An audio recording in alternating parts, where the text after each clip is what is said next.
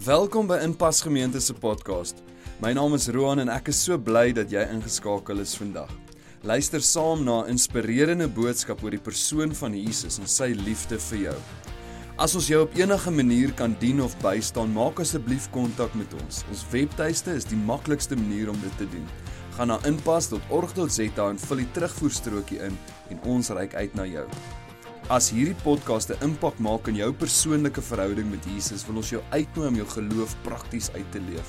Jy kan dit doen deur vrygewig te gee sodat Inpas Gemeente die goeie nuus van Jesus kan verkondig. Kyk gerus op inpas.org.za hoe om 'n bydrae te maak.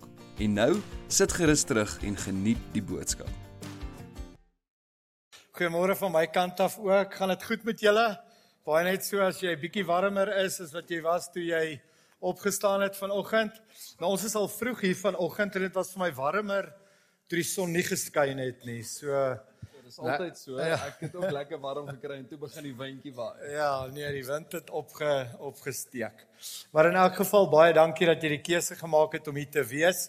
Ons begin vandag met 'n nuwe reeks hier in ons gemeente wat ons noem Wik en Weeg. Nou ek wonder hoeveel keer het jy al hierdie woorde gebruik? Ehm um, ek wik en ek weeg, moet ek dit doen? En dis gewoonlik gewigtige onderwerpe. Dis groot besluite wat jy moet neem en dan sê jy ek wik en weeg. Dis nou nie ek wik en weeg, wik en weeg moet ek die blou denim of die uh, groen denim vat of moet ek die Barbie hemp vat of wat ook al uh, wik en weeg nie. Ek dink jy dit behoort, jy weet, soveel gewig te dra nie, maar ehm um, ek het 'n voorbeeld vir julle. Daar's hierdie gesegde in Pretoria, veral nou waar ons bly, dat die uh beste skool is die naaste skool. Wie glo daaraan? nee, ek dink meeste van julle sal sê jy weet die beste skool is die naaste skool, moenie ver ry nie, moenie moeite doen en wat ook al nie, maar ons dogter Roan is nou in uh graad 6, volgende jaar graad 7 en um al voel dit vir ons of die naaste skool die beste skool is, wil ons nie net aanneem dit is so nie. So ons wik en weeg waarna toe om van die kal te vat. En wat ons die volgende 2 weke wil doen is en ek en Roan gaan hierdie preekgedeelte van ons diens gaan ons saam hanteer in 'n gespreksvorm en ons gaan vir mekaar vra vra en ons gaan vir julle vra vra en ons gaan moet nou nie bang wees nie, jy hoef nie te antwoord nie. Ons sal meeste van die antwoordwerk doen, maar ek is seker daarvan baie van julle gaan ook al reeds die antwoorde hê. Maar ons wil moeilike vrae beantwoord rondom Christendom en spesifiek rondom jou verhouding met God en jou verhouding met ander mense. En ons wil regtig hierdie wik en weeg vanuit die Bybel uit beantwoord om te sê, maar maar wat sê die Here? Ja, ek dink die eerste vraag is ehm um, jy weet hoe hoe verwag die Here van ons as dit kom by om sendelinge te wees? Verwag die Here ons moet almal alles verkoop en hier optrek Mosambiek toe en daar gaan bly. Ek dink ons almal het al van die ou gehoor wat alles verkoop het en soontoe. Dan is ons altyd baie keer so half onseker, is hierdie 'n roekelose besluit of is dit regtig van die Here af? En ons is baie keer ons almal as Christene is baie keer onseker. Daai teksgedeelte in Matteus 28, ons almal weet dit en dis die groot opdrag vir ons almal. Dis seker die grootste opdrag wat Jesus ons mee gelaat het, is dat ons sal uitgaan na al die nasies toe en disippels maak. Maar wat beteken dit vir my en jou hier in Pretoria en hoe moet ek en jy daarop reageer, Paul? Goed so. Ehm um, so moet ons almal uh, uh, disippels wees, moet ons almal sendelinge wees. Ek dink dis die dis die vraag wat ek moet beantwoord. En ehm um, ek wil sommer onmiddellik sê dat daai gedeelte in Matteus 28 vers 19 gaan dan heen maak disippels van alle nasies is definitief 'n opdrag en 'n mandaat wat spesifiek gerig is na die 11 disippels toe. 11 disippels want Judas was op daai stadium nie meer by hulle gewees nie, so die oorblywende 11. Maar dan lees jy byvoorbeeld 'n gedeelte hier in Johannes en ek wil dit graag saam met julle lees hier in Johannes 17 vers 20 tot 21 waar Jesus die hoëpriesterlike gebed bid en dan lyk dit weer asof hy jy weet ons intrek by hierdie hele ding dat ons moet sendelinge wees. Hoor wat sê hy? Sê maar ek bid nie vir hulle alleen nie, maar ook vir die wat deur hulle woord in my sal glo dat almal een mag wees net soos u Vader in my en ek in U, dat hulle ook in ons een mag wees sodat die wêreld kan glo dat U my gestuur het. So as jy na daai woorde luister, dan uh, is my vraag beteken dit dan dat ons almal sendelinge moet wees? En my onmiddellike antwoord Roan is is nee. Ons almal gaan nie noodwendig kruis kultureel na ander land, na ander taal, na ander volk toe hoef te verhuis om sendingwerk te doen nie. Ek dink die Here se eerste groot verwagting op ons is dat ons disippels moet wees. En dat ons hom moet ken en hom moet volg met met ons hele lewe. En dit gaan baie oor waar jy is. Waar jy werk, waar jy speel, waar jy bly, uh waar jy jouself uh, op hierdie stadium bevind, moet ek en jy 'n disipel wees van die Here in die eerste instansie.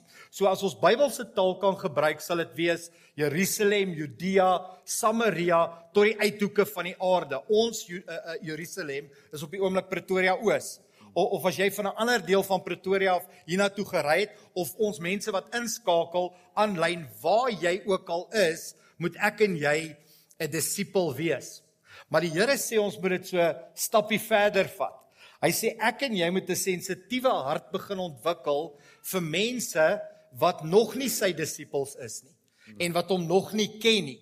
So die Here het met sy liefde uitgereik na jou toe en nou verwag hy van my en jou om uit te reik na ander mense toe om 'n verskil te maak in hulle lewe sodat hulle ook Jesus kan ken en hom kan volg.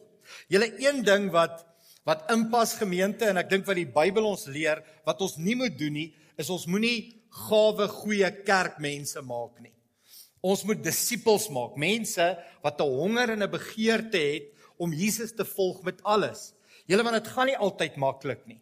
Partykeer gaan dit moeilik, partykeer is daar uitdagings. By ander kere beleef jy weer beter seisoene in jou lewe en dit maak nie saak wat die omstandighede van jou lewe is nie dat jy die begeerte nog altyd sal hê om te sê maar ek wil die Here volg met alles binne in my en ek wil sy naam graag verkondig.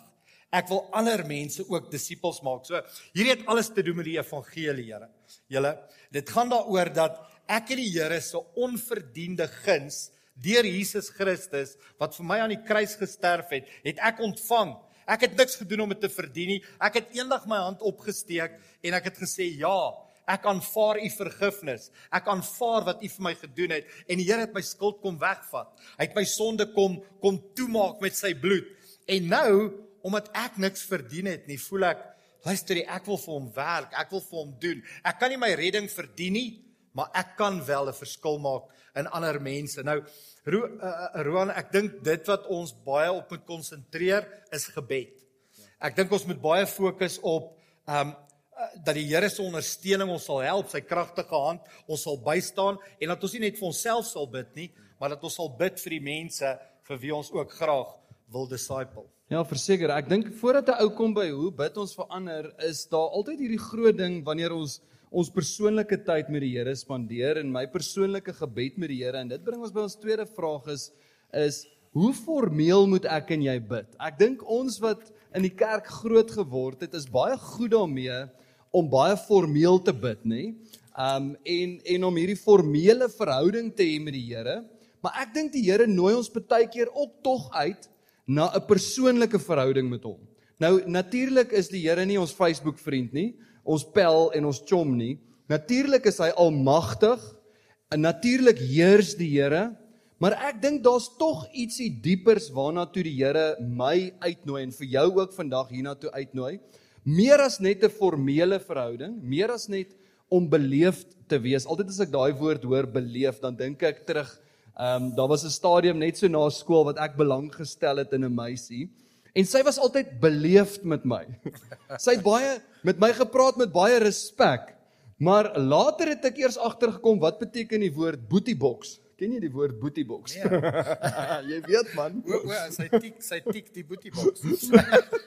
Dis as sy jou in die boetieboks sit. Dit beteken met ander woorde, ek is baie beleefd met jou. Roan, ek het baie respek vir jou, maar weet jy, jy's soos 'n boetie vir my. Oh, no ways. Dan weet jy, hier gaan niks meer diepers gebeur nie. Maar die Here nooi ons, ek dink ons is baie keer so met die Here. Jy weet, ons daag op vir 'n Paasdiens, ons daag op vir 'n Kersdiens, ons daag op eenmal 'n week. Ons trek onsself formeel aan. Ons is baie beleefd met die Here. Ons het baie respek vir die Here. Maar reageer ons baie keer op sy uitnodiging wanneer hy ons nooi na 'n persoonlike dieper verhouding met hom. En ek dink dis waar ons baie keer so 'n bietjie kort skiet en en en ek dink albei is belangrik. Natuurlik is dit belangrik om respek te hê vir die Here. Dit is natuurlik baie belangrik. Um ek dink is belangrik om te besef dat jou verhouding met die Here is persoonlik. Albei hierdie uiteenlopende tipe maniere van verhouding, hoe nader ek en jy groei aan die Here, hoe meer besef ons ons kan albei kan binne in hierdie verhouding wees met jou uh, met die Here. Ek dink ons sit baie keer en dis maar net my persoonlike ervaring, sit hierdie beleefd uh respek masker op. Ons noem dit baie keer godsdienstigheid op en ons beweeg nie verder en nader aan die Here nie. Hoor sy uitnodiging na ons in um, in Openbaring 3 vers 15. Hy skryf dit aan 'n kerk. Hy sê ek ken jou werke dat jy nie koud is nie, ook nie warm is nie. Ons almal ken hierdie teksgedeelte, nê. Hy sê, "Was jy tog maar koud of warm?" Dis die Here wat hierso na die kerk met die kerk praat, nie met die wêreld nie. Hy praat met die kerk en hy sê vir die kerk, "Ek wens so ek het hierdie intieme verhouding, hierdie warm intieme verhouding met jou gehad." Maar jy's baie, hy sê, "Ek ken jou werke, jy's baie beleefd. Jy het baie respek vir my. Jy doen goeie werke." Maar ek nooi jou uit na iets dieper. En sal jy reageer daarop? En dan hierdie baie bekende gedeelte wat hy sê, kyk, ek staan by die deur en ek klop. Het jy al mooi gedink oor hierdie teksgedeelte nê waar die Here sê ek staan by die deur en ek klop. Hoekom klop hy? God is almagtig. God, daar is niemand hy het nie nodig om te staan by die deur en te klop nie. En hierdie deur waarby hy staan en klop kan wees die kerk, maar dit kan ook jou persoonlike deur wees waar hy staan en klop.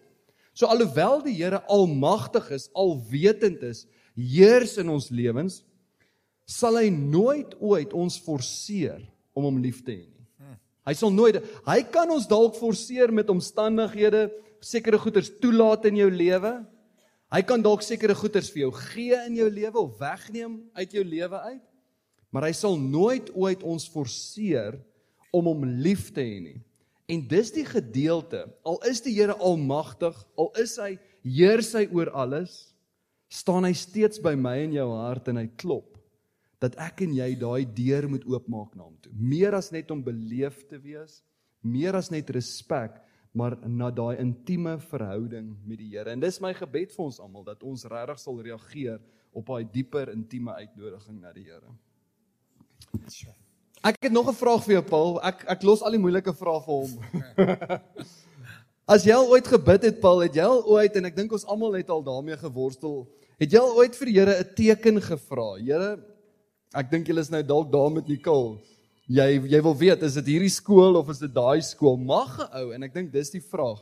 Mag ons toe maar dis my foon is nou. Ja, joke. Um ek dink ons mag ons die Here vra vir 'n teken Paul, um as dit kom by vra wat ons het in ons persoonlike verhouding met die Here.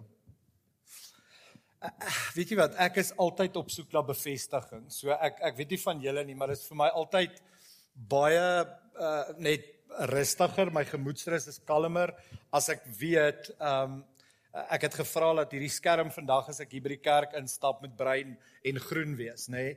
En nou gaan ek op grond van dit 'n besluit neem en nou sien ek nog tekens ook hier op die skerm, so die Here praat vandag duidelik met my dat hy wil hê ek moet hierdie ding doen of nie hierdie ding doen nie. Hoe ek ook al gevra, die bruin kant moet groter as die groen kant wees of wat ook al die geval mag wees.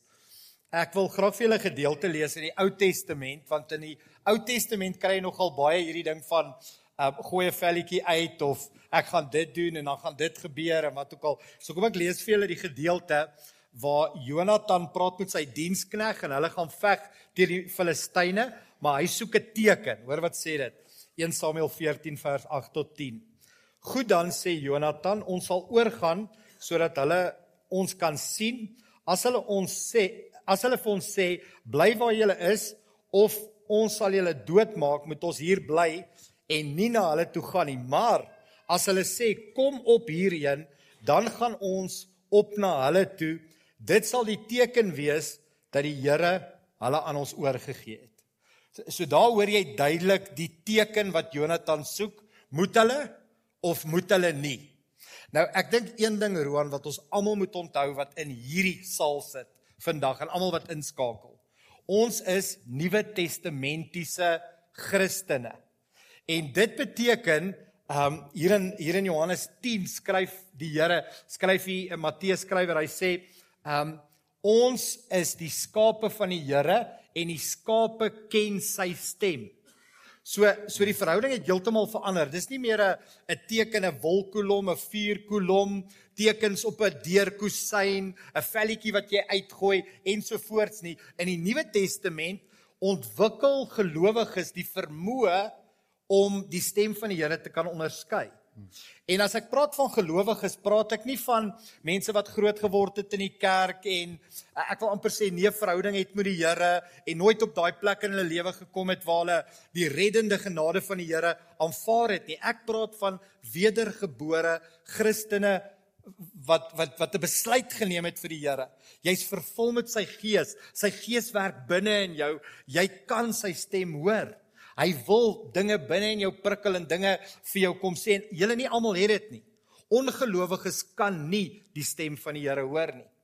Nou, ek is so bemoedig elke keer as ek met van ons uh, van ons gemeentelede praat en hulle hulle sê hulle is besig met hierdie studie in die Bybel en hulle is besig om hier te lees in die woord van die Here, dan dink ek, hoe meer jy lees en hoe meer jy bestudeer, hoe meer gaan jy kan onderskei wat is die stem van die Here en dit begin laterand net in jou hart 'n outomatiese ding te raak dat hierdie is nou die Here wat met my praat. Maar dis iets wat jy in kontinuïteit die heeltyd moet oefen. O, is hierdie nou die stem van die Here of is dit nie? En dan baie keer omdat ons nog vlees en bloed is en ons het emosie, dink ek nie dis verkeerd om te vra vir 'n teken nie. Ek dink nie dis verkeerd om te sê Here, as ek môre hier in die middel van die winter opstaan en is die warmste dag ooit en is 31 grade Celsius, dan gaan ek my kind in hierdie skool sit nie. Ek, dink nie dis verkeerd nie, maar ek dink nie dit behoort die basis te wees van my en jou verhouding met die Here nie. Ek dink as jy sukkel om die stem van die Here te onderskei. Ek wil net hande sien. Wie van julle het al ooit gesukkel om die stem van die Here te hoor? Ja, verseker. Okay, net so so 10 van ons. Nee, almal van ons, nê? Nee? Almal ons is 11. Almal van ons het al eers in jou wandel met die Here, het jy nie geweet links reg waarna toe moet jy gaan nie. En wat moet jy dan doen? Wat gee die Here nog vir ons? Behalwe sy woord, behalwe die kerk, behalwe sy innerlike indrukke en stem, Hy gee vir ons medegelowiges. So hier is 200, 300 mense wat ook vervul is met die Heilige Gees, wat saam met my kan bid, saam met my kan vra en saam met my kan hoor wat is hierdie situasie. Maar ek dink baie keer is ons nie by mense nie. Ons is nie naby genoeg aan medegelowiges sodat ons wel en en ons is bang, ons is skrikkerig. As jy nou vir iemand gaan sê ek sukkel met hierdie ding of ek moet hierdie besluit neem of ek moet hierdie keuse maak, ons is baie keer bang wat gaan mense dink? Hulle gaan dink, "Ja, maar kan ek nie self 'n besluit neem nie of uh, kan ek nie self hierdie situasie uitsorteer nie?" Maar Roan, ek dink ons het medegelowiges meer nodig as wat ons dink in ons verhouding met die Here.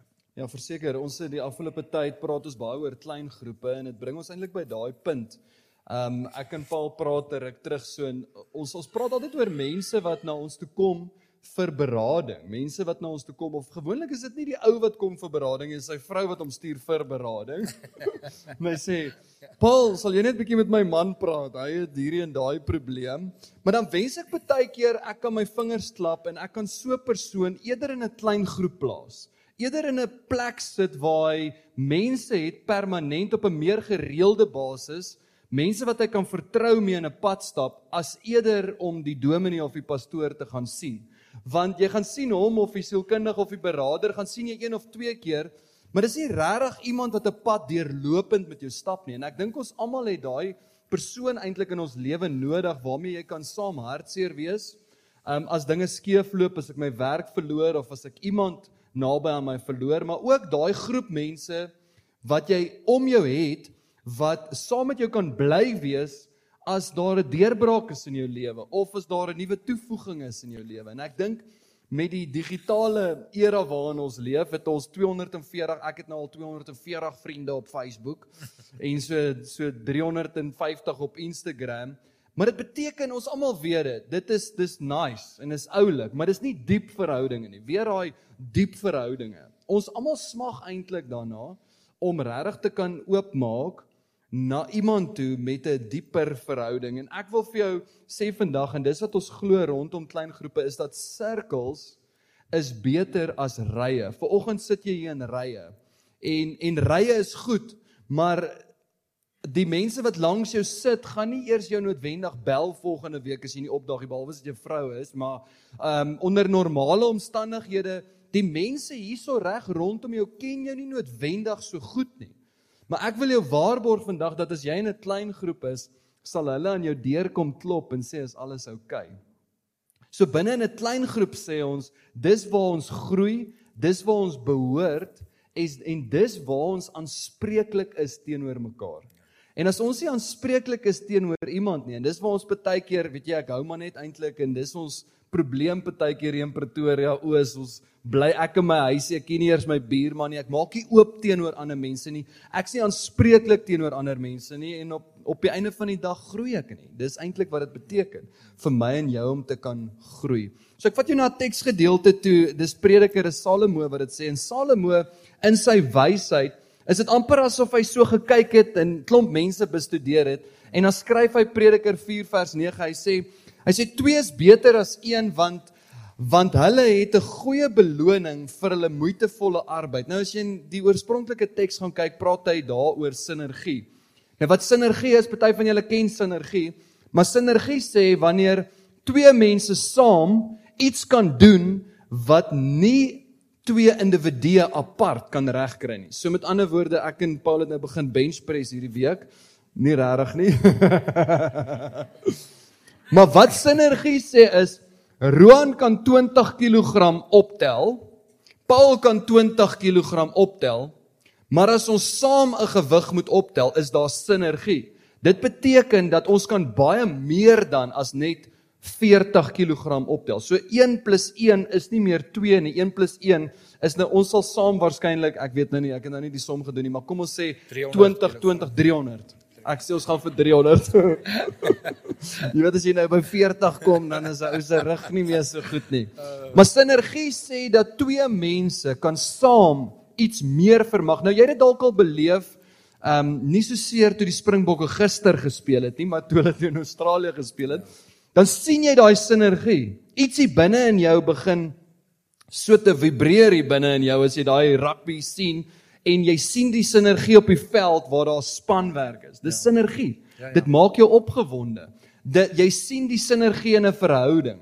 Maar jy sien ek en jy het nodig om daai sinergie ook te beleef persoonlik in vriendskap. Dis wat 'n klein groep vir my en jou kan bied is daai sinergie waar ek doen nie meer die lewe alleen nie want hy gaan verder so hy sê wie die een wat val sonder dat daar 'n tweede is om hom op te tel. Hier's die ding wat ons al in moeilike tye gesien het en ons het onlangs het ek en Paul ook daar gepraat oor hulle ook en hoe 'n klein groep by 'n ou se lewe toevoeg juis in daai moeilike tye. Hoe daai mense 'n aanvoeling het vir wat aangaan in jou lewe. Ek wonder of is daar mense in jou lewe wat 'n aanvoeling het hoe dit met jou gaan.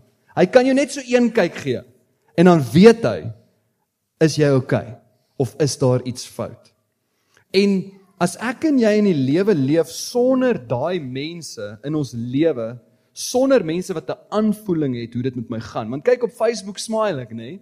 En ek sit my fotootjies daar van die kinders. Jy dink ek het die wonderlikste kinders totdat jy so halfuur daar by my kom kuier. Of jy by my? Ja, ek sal nie weet nie. Ek sal nie weet nie.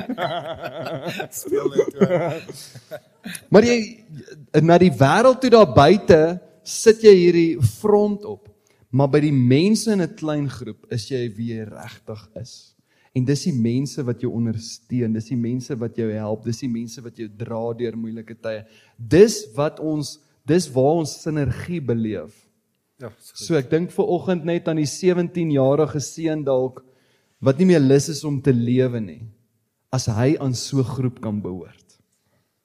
Miskien is daar 'n koppel wat jonk getroud is met 'n klein babatjie en ons weet nie hoe om hierdie kind te kry om te slaap nie. Ons weet nie hoe om in ons verhouding met mekaar te praat nie. Dis 'n moeilike fase in jou lewe. Maar jy het mense nodig om jou wat al daardeur is. Wat saam met jou daai pad kan stap. Sjoe. Ek hou daarvan. Ek ehm um, ek wil graag so 'n bietjie ratte verwissel en met julle praat oor hoe behoort 'n Christen binne in die sekulêre lewe op te tree. Ehm um, so ek dink die eerste ding wat ek wil sê is die Here het ons primêr geroep om getuies te wees. Ehm um, jy kan daai oom Bertie, daai deur het net 'n lekker druk, net so van binne af. Daar's hy. Perfect. Hy mag nie nou weer jy gaan nie nou weer oop gaan nie, hoor. Heerlikheid.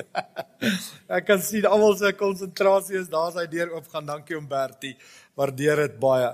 Maar my en jou primêre verantwoordelikheid as Christen is 'n uh, is 'n getuie.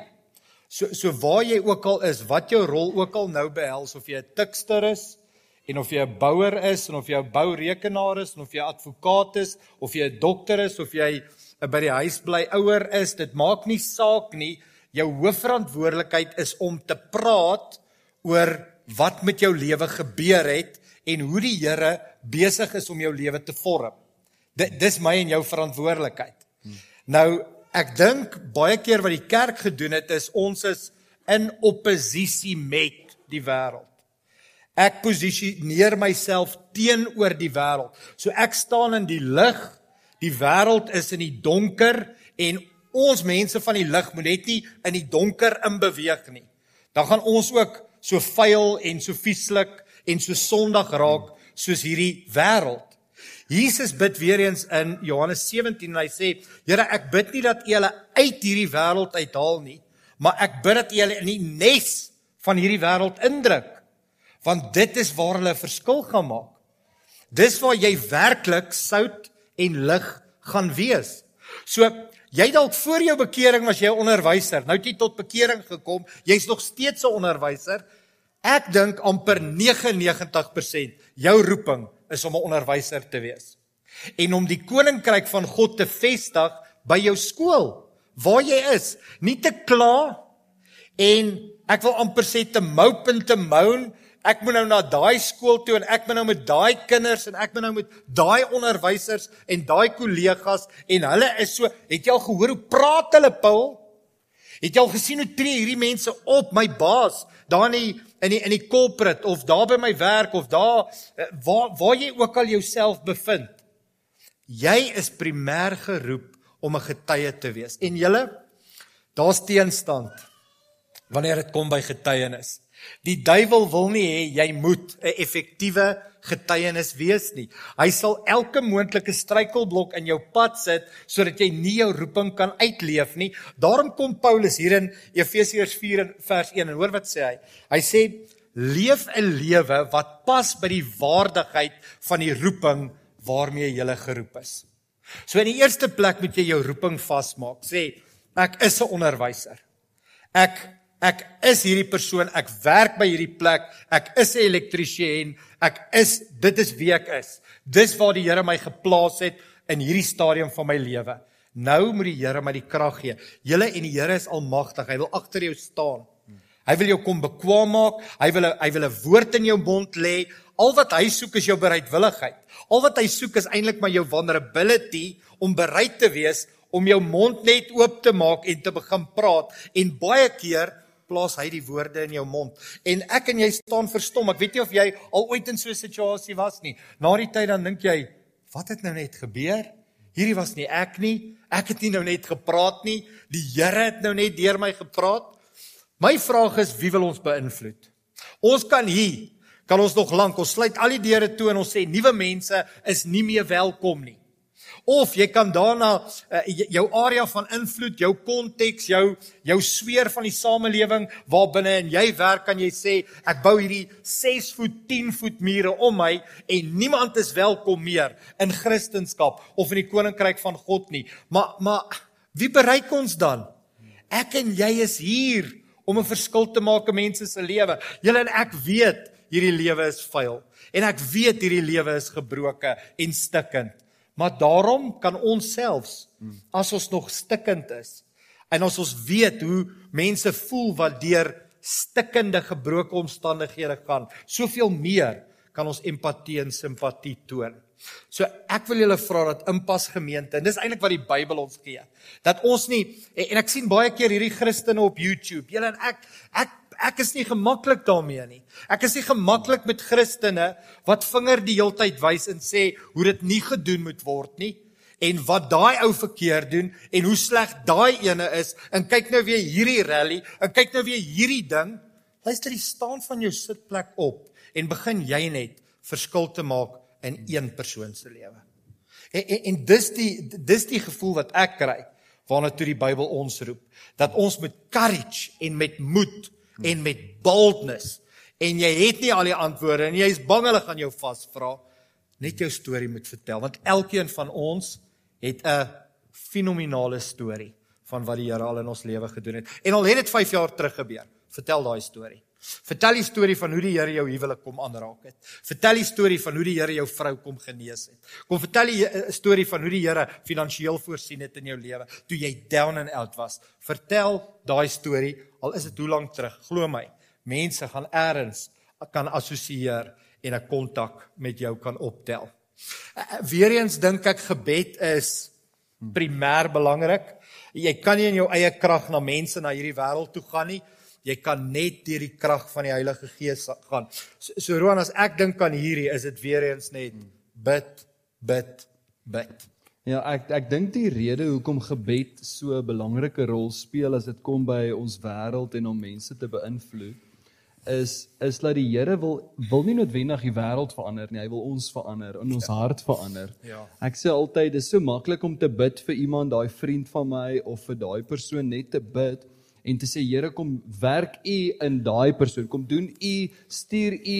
Kan u nie net asseblief die predikant stuur na hom toe nie.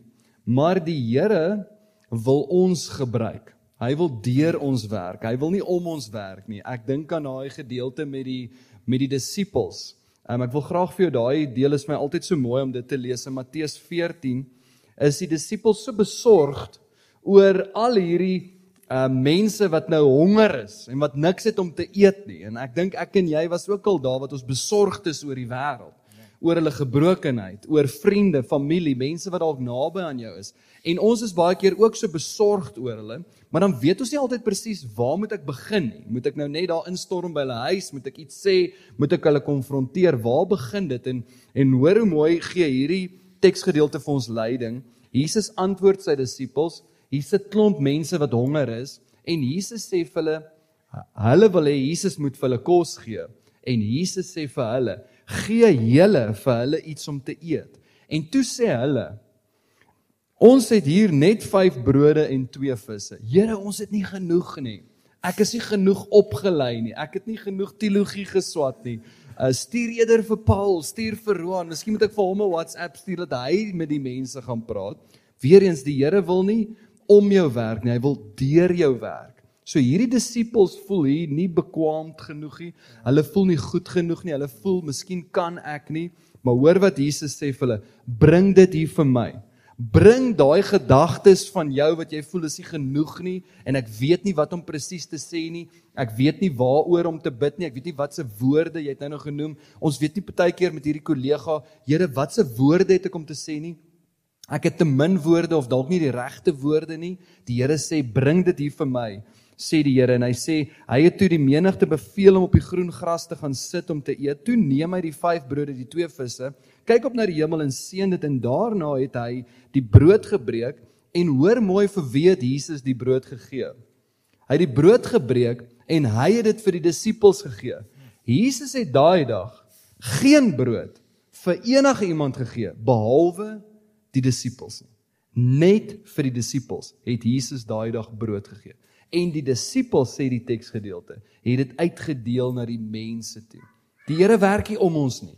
Die Here werk deur ons en hy wil deur elkeen van ons werk terwyl ons voel ek is nie bekwaamd genoeg nie. Ek het nie genoeg nie.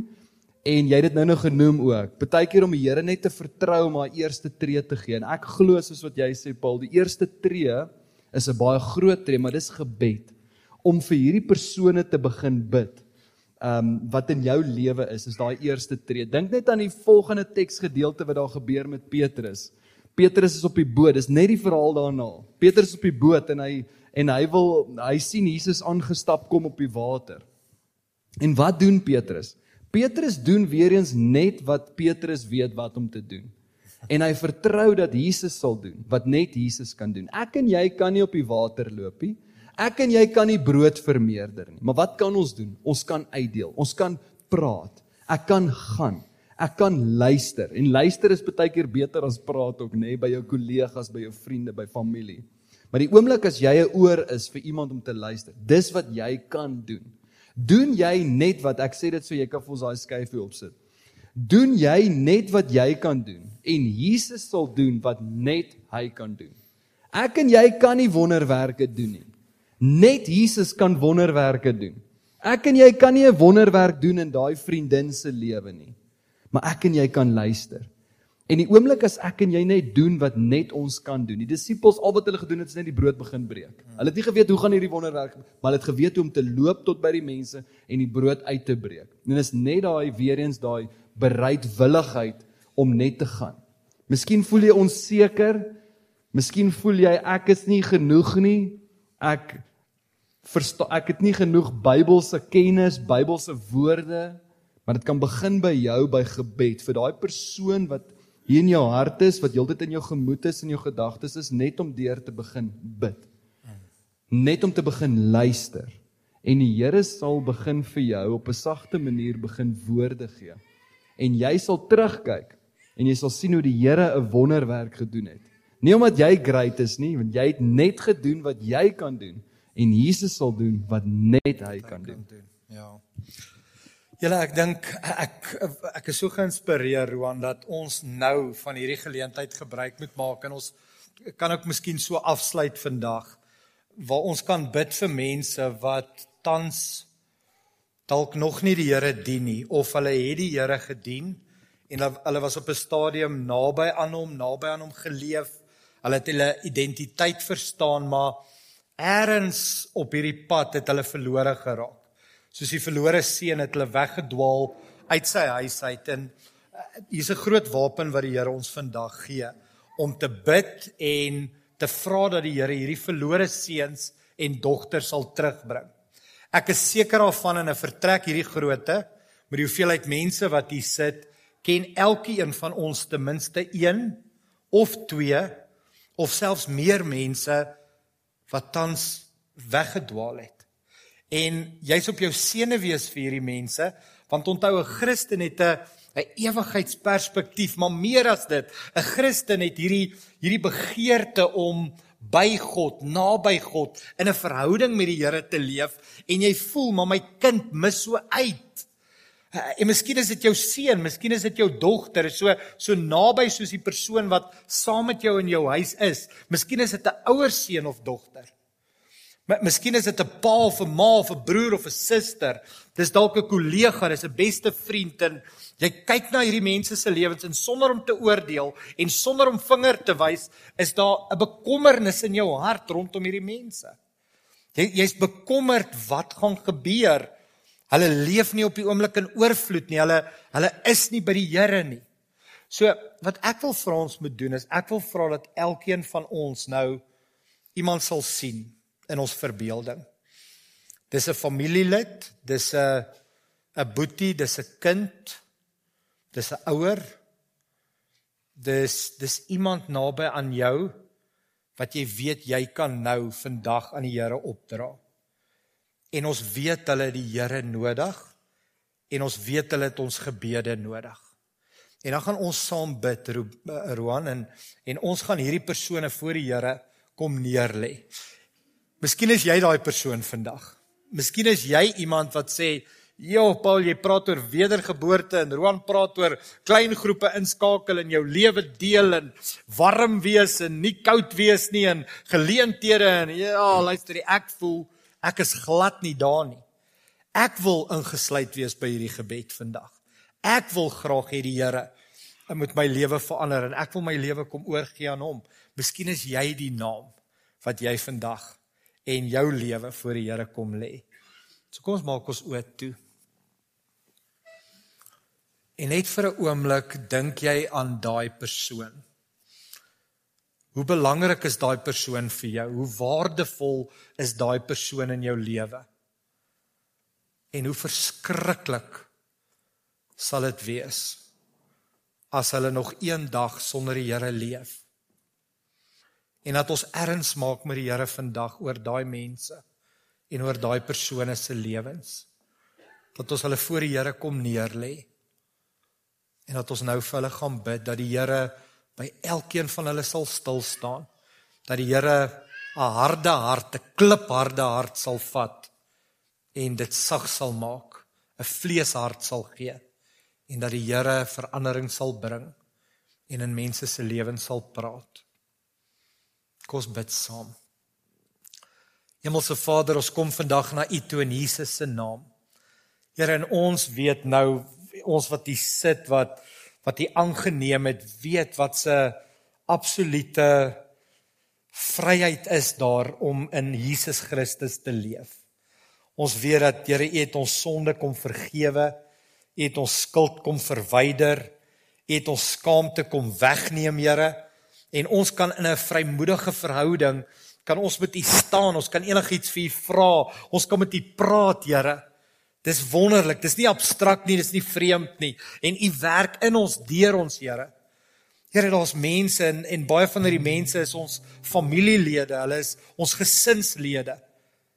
Here wat nog nie daai besluit geneem het nie en Here wat in 'n war is, wat wat dalk negativiteit beleef rondom kerk en kristendom en die duiwel het dit reg gekry om mense negatief te maak en hy antagonisties te maak en in argumente te laat wil kom wanneer dit kom by die Here en sy liefde en sy genade. En Here, dis nie wie is nie. Die duiwel het 'n prentjie kom skilder van 'n God wat eintlik nie bestaan nie. Here, ek kom bid vandag dat een harte sal werk van ons kinders, van ons ouers, van ons broers en ons susters, van ons uitgebreide familie, van ons vriende, Here, van ons kollegas, van van mense wat U nou op my hart lê, wat U nou op ons harte lê, Here. Ons bid vir elkeen van hulle by die naam. Ons kom lê hulle voor U voete neer. Ons vra Here dat U hulle sal kom aanraak en dat U 'n werk sal begin, want die werk wat Christus begin het, sal eintyd volbring word tot die dag wat Jesus Christus terugkom. Ek sê vir U dankie, Here, vir U genade nou. Niemand verdien dit nie. En mag daai genade daai heerlikheid oor mense kom en oor mense skyn en mag ons sien hoe hierdie gebed en gebede wat nog gebid gaan word vir daai mense 'n groot krag sal hê en dat mense na U toe sal terugkeer en hulle lewens kom oorgee vir U. Ons sê vir U dankie daarvoor in Jesus se naam. Amen.